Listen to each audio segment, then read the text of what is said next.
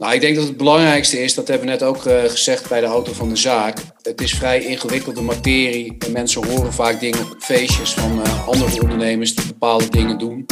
Maar uh, ja, ehm, als je zoiets hoort en je denkt, is dat voor mij ook van toepassing? Bel even met je contactpersoon bij NAV en, en, kijk of je daar daadwerkelijk gebruik van kan maken. Want anders uh, leidt het achteraf uh, tot een teleurstelling. En vaak is het wel goed om er gewoon wat genuanceerder naar te kijken. Ook omdat het op de lange termijn gewoon gevolgen voor je kan hebben als ondernemer. Oké, want er zijn veel misverstanden in omloop over deze onderwerpen. Ja, er worden vaak gezegd, je kan bepaalde kosten aftrekken. Waarom doe jij dat niet als ondernemer? Ik doe dat wel. Ik mag dat voor mijn, uh, van, van mijn accountant mag ik dat wel.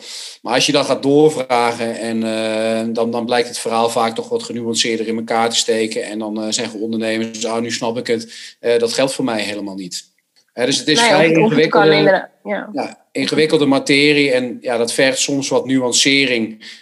zeker als het gaat om een individuele situatie.